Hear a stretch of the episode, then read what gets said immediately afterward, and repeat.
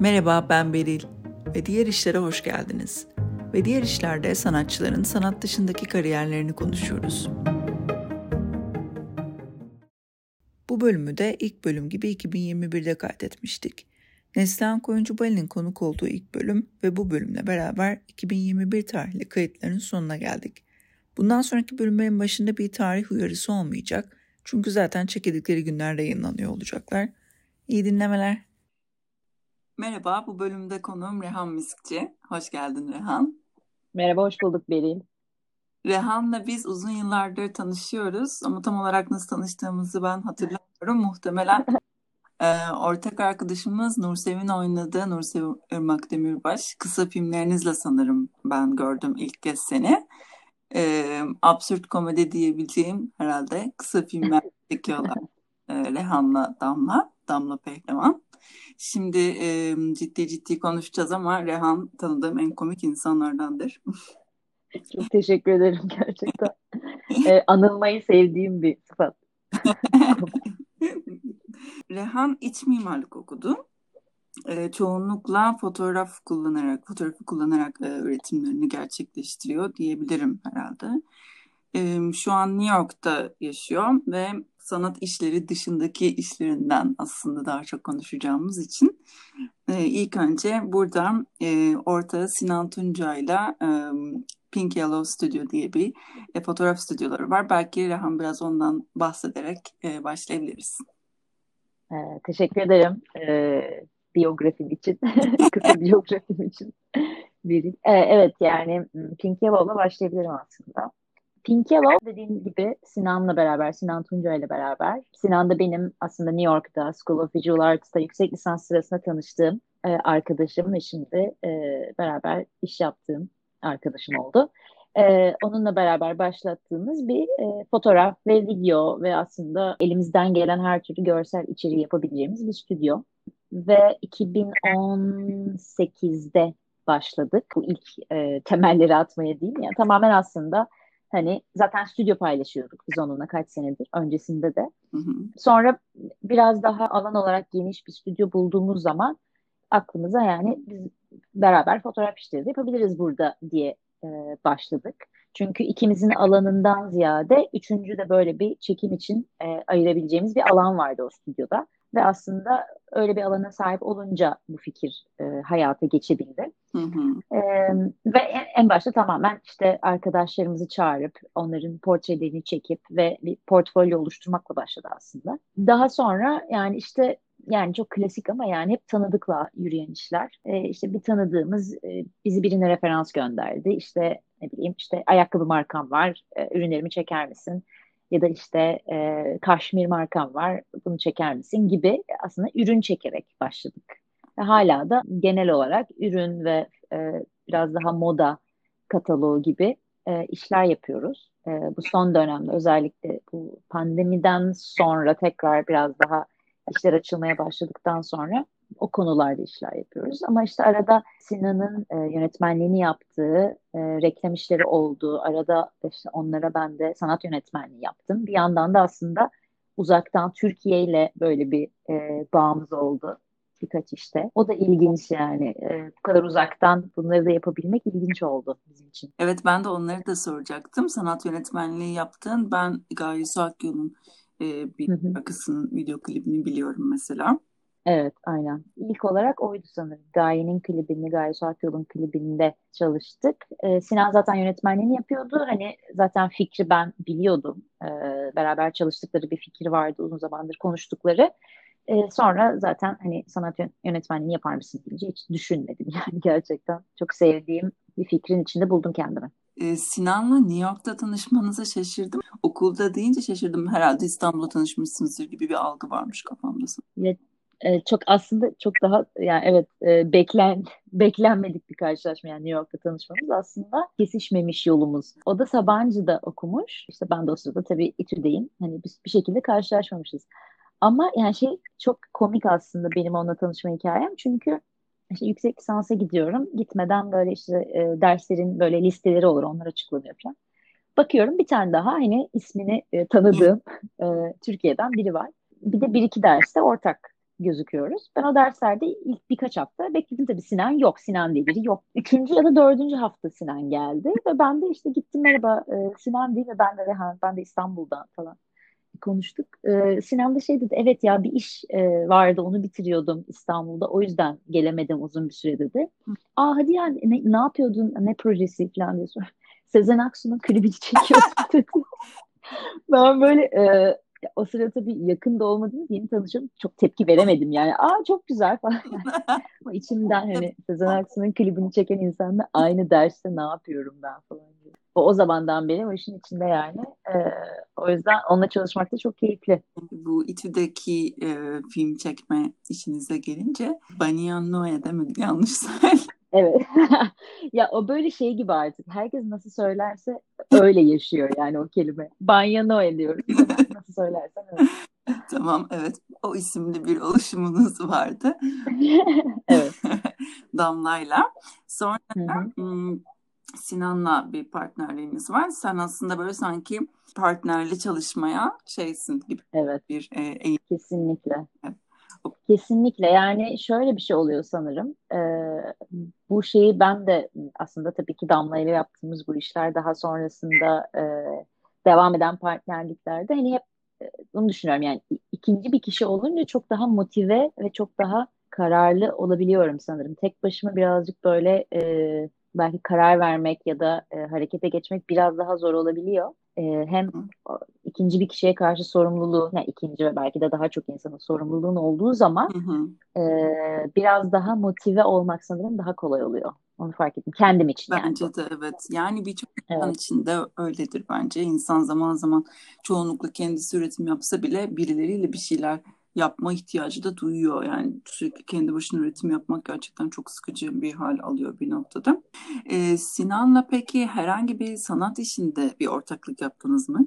Sinan'la aslında e, yani çalıştığımız konuların aslında paralellikleri çok fazla. Hı hı. E, onun da zaten e, mimariye ve mekana dair e, çok fazla işi var. E, hani farklı yerlerden baksak da konularımız ve düşündüklerimiz e, çok benzer çıkabiliyor. Aslında onunla böyle bir sanat işi adı altında başlamamış bir video işimiz vardı. Bu e, Hollywood 40'lar 50'ler Hollywood estetiğiyle ilgili böyle bir video işi yapmıştık. İşte biz e, çok stereotip kadın ve erkek Hollywood karakterleri gibi giyinip aslında böyle siyah beyaz o klasik Hollywood ışığının altında böyle kısa kısa video çekimleri yapmıştık. Hani o sonra böyle şey olmuştu. Çok daha okuldayken de biraz daha böyle passion project diye e, başlayan ama daha sonra belki bir dakika biz buna bir yazı yazsak, şöyle yapsak, böyle yapsak biraz daha onu daha geniş bir bağlama oturtabiliriz diye e, dediğimiz bir işti o ve sonra hatta bir yerde sergilenmişti ama çok fazla da sonra üzerine gitmedik onun. Ama böyle biraz Arap'ta kalan ama bence çok e, güzel ve potansiyelli bir iş. Sonra işte ne bileyim hani herkesin bir şeyi çıktı. Onun sergisi oldu, benim bilmem ne oldu, rezidansım oldu falan. Hani Hı. birazcık o böyle arka plana atıldı ama herhalde en yakın odur Hı-hı. beraber sanat işi yaptığımız. Evet sanki senin bu ım, kendi e, işlerinde değil de bu partnerli olan işlerinde bir şey gibi bir his geliyor bana. E, bir oyun oynuyorsun gibi. Sanki hani öyle bir motivasyonla başlıyormuş gibi hani sonra başka yerlere gidip evet. ama birlikte böyle eğlenmek için başlıyor gibi bir şeyi var bende. Evet. Ya çok haklısın. Çok doğru bir tespit bu. Yani aslında hep yani çok yakın arkadaşlarımla yani aynı zamanda üretim de yap, yapabildiğim bu anlamda yakın arkadaşlarımla böyle bir e, kesinlikle bir oyun e, nasıl diyeyim oyun moduna girmek ve e, hani böyle çocukluğunda böyle aslında hiç başka bir şey düşünmediğin, sadece o oyunun içinde olduğu, belki de en yaratıcı hissettiğin zamanlar yani. Şu anda bu yaşlarda biraz o moda girmek yani giderek zorlaşıyor zaten ama hani o hissi yakaladığım insanlarla galiba üretim yapmak ekstra keyifli oluyor ve yani hep e, sanırım öyle insanları da çekiliyorum. Biraz böyle oyun oynayabilen ve oyun oynamayı seven belki de bilmiyorum e, bir çeşit iletişim gibi de sanki bu iletişim kurmanın bir yolu gibi de böyle. Başka bir türlü bir paylaşım yani.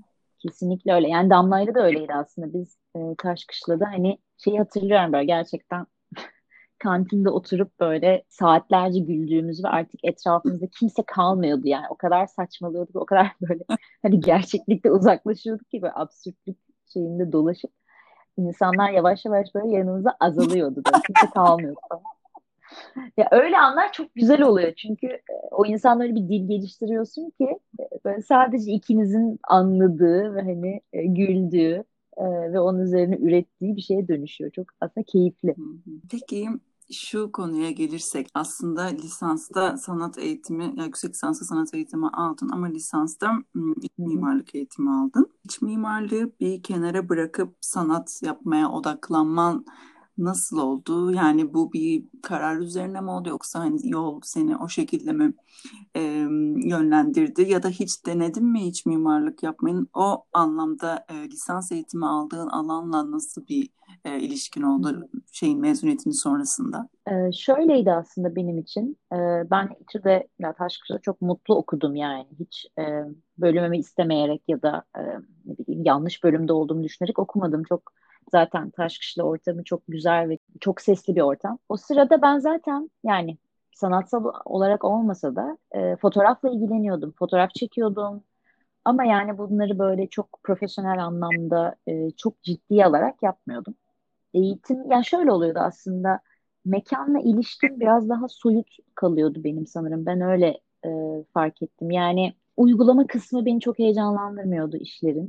Ee, biraz daha tasarım ve biraz daha hani e, spekülatif kısmı sanırım daha beni heyecanlandırıyordu. Daha hayal kurabildiğim ve biraz daha böyle ne bileyim hmm, burası 60 santim burası 45 santim evresine gelmedenki kısım beni biraz daha heyecanlandırıyordu. E tabii şimdi tasarım eğitimi ya da mimarlık eğitiminden sonra tabii çalışma hayatına geçtiğinde illaki e, gerçeklerle ve tabii uygulama kısmıyla yüzleş, yüzleşmen gerekiyor. Mezun olduktan sonra bir 6-7 ay çalıştım aslında. Çok kısa bir dönem tabii ki. Bir iç mimarlık firmasında ağırlıklı olarak işte AVM'lerde hani e, giyim mağazaları tasarlayan e, bir ofiste. Ya orada çok böyle hani zaten başlangıç seviyesinde oldukça böyle repetitif bir iş yapıyordum yani o sırada ben zaten hani yüksek lisans yapmak istiyordum ama böyle ne yapacağım ne edeceğim kafamda çok belirgin bir şey yoktu. Ama bir tık yani aslında sanat alanına o sırada kaymayı düşünmeye başladım. Yani e, başvurduğum bölümler daha e, tasarım ve sanatı aslında birleştiren işte Berlin'de bir bölüm vardı oraya başvurmuştum. İşte New York'ta başvurduğum zaten fotoğraf ve fotoğrafla ilgili medyalar gibi bir bölümdü. Yani aslında çok böyle kesin olarak fotoğrafa geçeceğim gibi bir e, geçiş yapmadım. Sadece biraz daha belki interdisipliner bir şey. Çünkü iç mimarlığı böyle tamamen kesip attım ve geride bıraktım gibi bir şey bir durum da yok. Şu andaki işlerim de aslında mekanla ilişkili. Evet. Fakat e, yani iç mimarlık anlamına, klasik anlamda hani e, sıfırdan bir mekanı kurgulamıyorum ama bir şekilde pratiğimde yeri var yani. Çok da uzaklaşmış hissetmiyorum yani. Evet kullanıyorsun ama sonuçta hani konvansiyonel anlamda o işten para kazan. Tabii. Öyle bir Hayır kazanmıyorum. Evet orası doğru. Şeyi merak ediyorum. Yani bende bu his oluyor da o yüzden soruyorum. Hali hazırda bir mesleğin hani para kazanabileceğin bir mesleğin varken başka bir alana yönelip sanata yönelip e, sonra da evet o işten belli ki evet. idame ettirebilecek kadar para kazanmamız biraz zor. E, bu yüzden bununla ilgili böyle yan alanlarda bazı başka kendine yarattığın alanlarda çalışmaya başlayınca e, bazen şöyle bir his geliyor bana. E, ben hani zaten benim bir uzmanlığım yani para kazanabileceğim başka bir mesleğim vardı. E, şimdi aynı çabayı hani belki orada düzenli bir işte çalışsaydım olacak olan aynı çabayı şu an ben böyle bambaşka yeni bir yol yaratmaya çalışarak kendime ve çok hı hı. böyle debelenerek e, kurmaya çalışıyorum. Böyle acaba yanlış mı yaptım falan gibi sorular. Ya evet. O anlamda nasıl bir ım, ilişki kurdun lisans eğitimi aldığın alanla diye aslında merak ettim. Ya çok e, çok gerçek bir soru gerçekten yani hani aslında sürekli aklımda olan ve yüzleşmek aslında her e, para kazanamadığın anda yüzleşmek zorunda olduğun bir soru yani. Kırılgan e, Kırılgan kesinlikle. e, ama yani tabii ki çok kişiden kişiye değişebilecek e, her, herhalde cevaplar bunlar. Hani hmm, bir şekilde yüksek lisansa gelme ve e, bu kararı alabilme rahatlığım oldu diyeyim en başta en azından. Yani şeyi fark ettim hani o ofis ortamı ve e, ya biraz da böyle çok sabırsız da bir yapım olduğu için hani o 6 ay beni mutsuz ediyor. Mutsuz oldum yani o 6 ay. O çalıştığım ofiste bayağı mutsuz hissediyordum. Hı hı. Ve böyle bir gelecek projeksiyonu yaptığımda ben o biraz da böyle bir sanırım ofis hiyerarşisinde de sanırım Hı. karakter olarak çok barınamayacağımı düşündüm ben. Evet. O yüzden e, eğer böyle bir karar alacaksam hani e, yani şu an almalıyım ve e, şu an bu kararı vermeliyim gibi düşündüm ve onun üzerine öyle oldu. Fakat şöyle bir şansım oldu. Okuldan sonra yani çok ne yapacağımı gerçekten kestiremezken bir tane çok da bilinen bir sanatçının stüdyosunda stüdyo asistanı olarak direkt başladım çalışmaya. E, şu anlamda iyiydi aslında. İnanılmaz bir maddi getirisi olmadı onun tabii. Ama çünkü şöyleydi aslında sanatçı e, yeni vefat etmişti ve onun külliyatıyla ilgili e, her şeyin arşivlenmesi ve e, geriye bıraktığı bazı baskıların tamamlanması ve satışıyla satışı üzerine bir işti yani. Yüksek lisanstan sonra bu. Hı hı. Hani ben tam bu sanat eğitimiyle ne yapacağım, ne yapabilirim aslında derken biraz sanat e, ortamında çok aktif rol oynamış ve 70'lerden beri aslında New York'un işte yani bu Picture Generation'dan çıkma bir sanatçı Sarah Charlesworth'un e, hemen vefatından sonra onun stüdyosunda e, asistanlık yapmaya başladım. E, aslında o çok şey öğretti bana yani çok da bence benim nasıl diyeyim isteklerimi karşılayan da bir işti o sırada çünkü e, hem bir sanatçı arşiviyle ilgileniyordum. E, geriye bıraktık bıraktığı işlerle o kadar nasıl diyeyim disiplinli bir ilişki kurmuş bir sanatçı ki yani geriye bıraktığı şeyler o kadar çünkü ben kişisel olarak onu tanımıyordum fakat onun işleriyle ilgili bıraktığı notlar o kadar iyi böyle bir e, yön verdi ki bize işte ne bileyim e, alınacak baskılara kadar böyle sağdan iki buçuk santim soldan bir buçuk santim bırakın hani hı hı. o kadar iyi bir rehber bırakmış ki geriye evet. o böyle şey oldu bana yani hmm, bir sanatçı nasıl olmalıdır ya da nasıl diyeyim e, ilham böyle bir reçete yok ama aynen ilham oldu yani. Hı hı. Orada bir işte üç sene e, iki buçuk üç sene e, oradaydım ve orada çok şey öğrendim diyebilirim bu alanda ama işte tabii ki bir yandan da e, edindiğin işte fotoğraf becerilerini e, paraya dönüştürmeye çalışıyorsun bir yanda da tabii ki yani. Yani şeyi fark ettim. E, klasik anlamda işlerini satıp para kazanacak bir sanatçı olmak hani öyle bir reçete yok.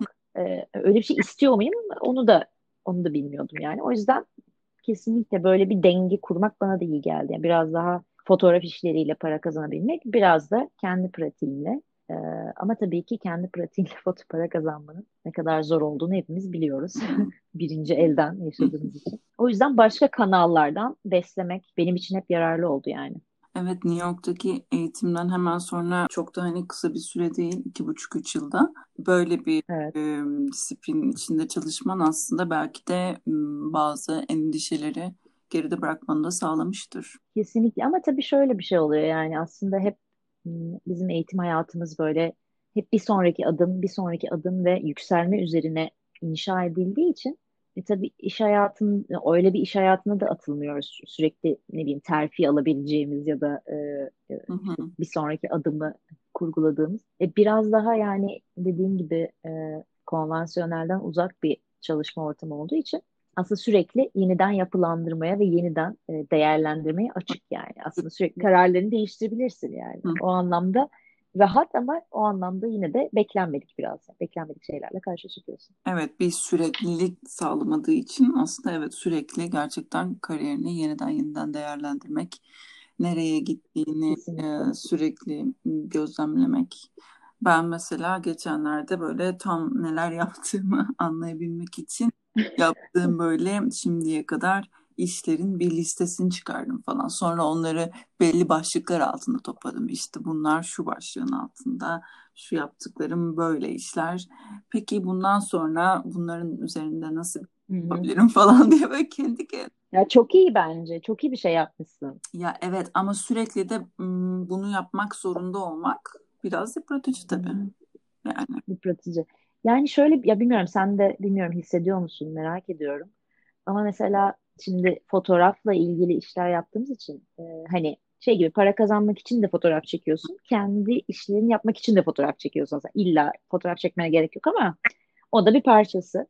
Hani e, ne bileyim o ikisi arasında çünkü yine kullandığım medyum fotoğraf ve ikisi arasında bir fark oluyor mu onu yaparken? Para kazanmak için çektiğin fotoğraftan daha mı az zevk alıyorsun? Nasıl oluyor mesela? Senin için nasıl? Onu ya bu çok ilginç. Ben de bunu not almıştım seninle konuşmak için aslında ee, şöyle, şimdi fotoğraf ve video ile üretim yapan sanatçıların aslında bir anlamda e, şanslı da olduklarını düşünüyorum. Çünkü bu araçlara zaten hakimler ve e, bunlar, bunlarla para kazanacak işler yapma yolları da var. Teknik olarak hakim oldukları bir ekipman da var hani aslında. Tabii. Böyle bir tarafı var. E, şey sınırı biraz da ilginç. Mesela sen bir sanatçı olarak fotoğraf işi yaptığında bir ürün fotoğrafı çektiğinde diyelim o kişi e, sana o işi veren kişi sanatçı olduğun için mi hani senin e, işlerini de bildiği için mi ve fotoğraf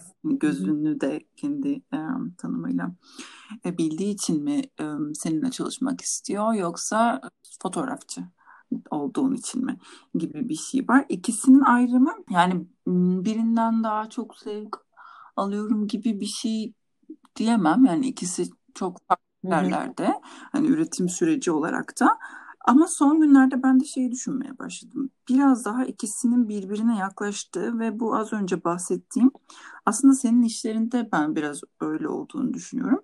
Yani benim hani ben olduğum için yani Beril olduğum için ürün evet. fotoğrafının da biraz yine o kendi işlerimle de bir şekilde Kesinlikle. bilmesi mesela nasıl olurdum diye düşündüm. Çünkü şimdiye kadar çok fazla öyle değildi ama gitgide biraz daha öyle olmaya başladı sanırım Hı. benim kendi işlerimde. Bu tabii biraz da şeyle oluyor. İlk başta portfolyo olması için pek bir iş Hı. şey yapmıyorsun, ayırt etmiyorsun yani. Tabii tabii. En evet, her şeyi çekiyorsun. Sonra gitgide gerçekten hani kendi e, sanat alanında olduğu gibi orada da bir dilin oluşmaya başlıyor.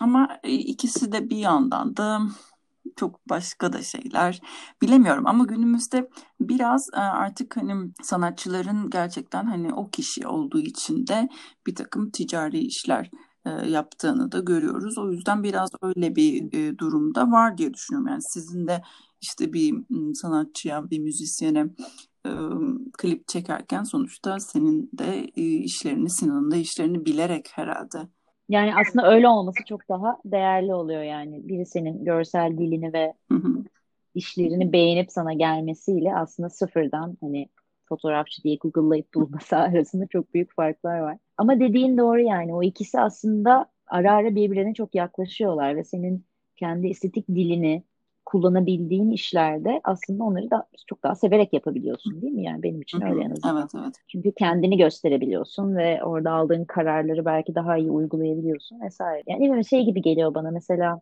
biri işte düğün fotoğrafı çeker misin diyor. Aslında yani her, yani düğün fotoğrafçısı değilim ben. Ama e, mesela tanıdığım ve e, yakınım olan insanları çekmeyi seviyorum. Çünkü onlarla çok daha başka bir bağ kuruyorum ve onları beraber fotoğraflamak hoşuma gidiyor ama aynı bağ ben tanımadığım insanlarla çok kuramıyorum. Çok kişisel de bir şey bu aslında. Ee, o yüzden böyle şey oluyor yani insanlar dün fotoğrafı çekiyor musun dediğinde yani hayır demek de bir garip oluyor. Baya hayır yani. evet bunu geçen bölüm Neslihan'la da e, uzun uzun konuştuk. Evet. Bende de biraz um, o oluyor. Yani şöyle e, orada böyle evet bir bir çekincen oluşmaya başlıyor. Çünkü böyle şey de hissedebiliyorsun. Ben ne yapıyorum hani şu an burada falan gibi bir Kesinlikle. bir hisse de dönüşebiliyor. Bu diğer işler için de geçerli. Yani fotoğraf çekerek para kazandığın başka işlerde de aynı şey söz konusu olabiliyor. Ama evet bir yakınlık kurabildiğin işleri de rahatça gerçekten belki daha çok karar alma hakkına bir şekilde sahip olduğunu hissettiğin işler daha senin de böyle rahatça paylaşabileceğin, gösterebileceğin işler haline alıyor gibi bir durum. Evet çünkü şey hissi kötü yani böyle paylaşamayacağım bir iş olmak ya da ya da adımı yazmasınlar falan böyle. O his çok kötü bir şey. Evet, yani. evet. Evet o denge işte zaten aslında benim de bu podcast'ta öyle en çok konuşmak istediğim konu. Evet. Kendimizi nasıl durumlarda buluyoruz, ne hissediyoruz e, ve bunları konuşarak biraz aslında böyle bir m, dayanışma da bir çeşit e, oluştuğunu düşünüyorum kendi aramda. Ya evet bir de yani aslında bunu seninle önceden de konuştuk ama aslında böyle tabu sayılabilecek bir konu neredeyse bu yani. Hani zaten para konuşmak e, kendi içinde bir tabuyken bir de üzerine sanatla ilgili ya da sanat üretimiyle ilgili e, maddiyat konuşmak iyice zorlaşıyor. Evet. E, özellikle bizim çevremizde de belki hani bizim jenerasyon belki biraz daha kolay bahsedebiliyor ama yine de tam olarak böyle e, üzerine basmadığımız konular bunlar. O yüzden bence e, harika bir boşluğu dolduruyorsun şu anda. evet yani kendi aramızda bile çok fazla konuşmadığımız şeyler. Tabii tabii tabii aynen. Ve e, madem bunları yapıyoruz o zaman e, üzerine de daha çok konuşmalıyız ve belki de bu işleri de daha e, sevebileceğimiz şekilde yapmalıyız öyle bir duruma getirmeliyiz gibi bir Kesinlikle. hayatım var. Ya, evet kendimize saklamaktansa bunları dediğin gibi bunları paylaşıp dayanışmaya çevirmek çok önemli. Hı hı hı. En azından belki yol gösterecek yani. Ee, bu sanat dışında yaptığımız diğer freelance işlerde ve hatta belki sanat işlerinde de para nasıl konuşuyoruz? Biraz ondan bahsedebiliriz belki. Evet. Mesela freelance işlerde yani sanat dışındaki işlerde kendi yaptığın şeyi fiyatlandırırken karşı tarafa bir bütçe sunarken aslında bazı insanlar için bu hak ettiğin e, bütçeyi söylemek çok zor olabiliyor. Bazıları da yani daha rahat oluyor bu konuda. Bilmiyorum belki karakterle ilgili ya da neler gördüğüyle ilgili olabilir. Ee, ama şey bu da hani öğrenilmesi gereken bir şey oluyor. Sanat işinde ise mesela ben şöyle bir şey anlatabilirim. Berlin'de bir sergiye katılmıştım bir galeride. Benim dışımda bütün sanatçılar sergideki Almandı. Sergiden bir gün önce e, galerici işte bize fiyat listesi yollamamızı istedi.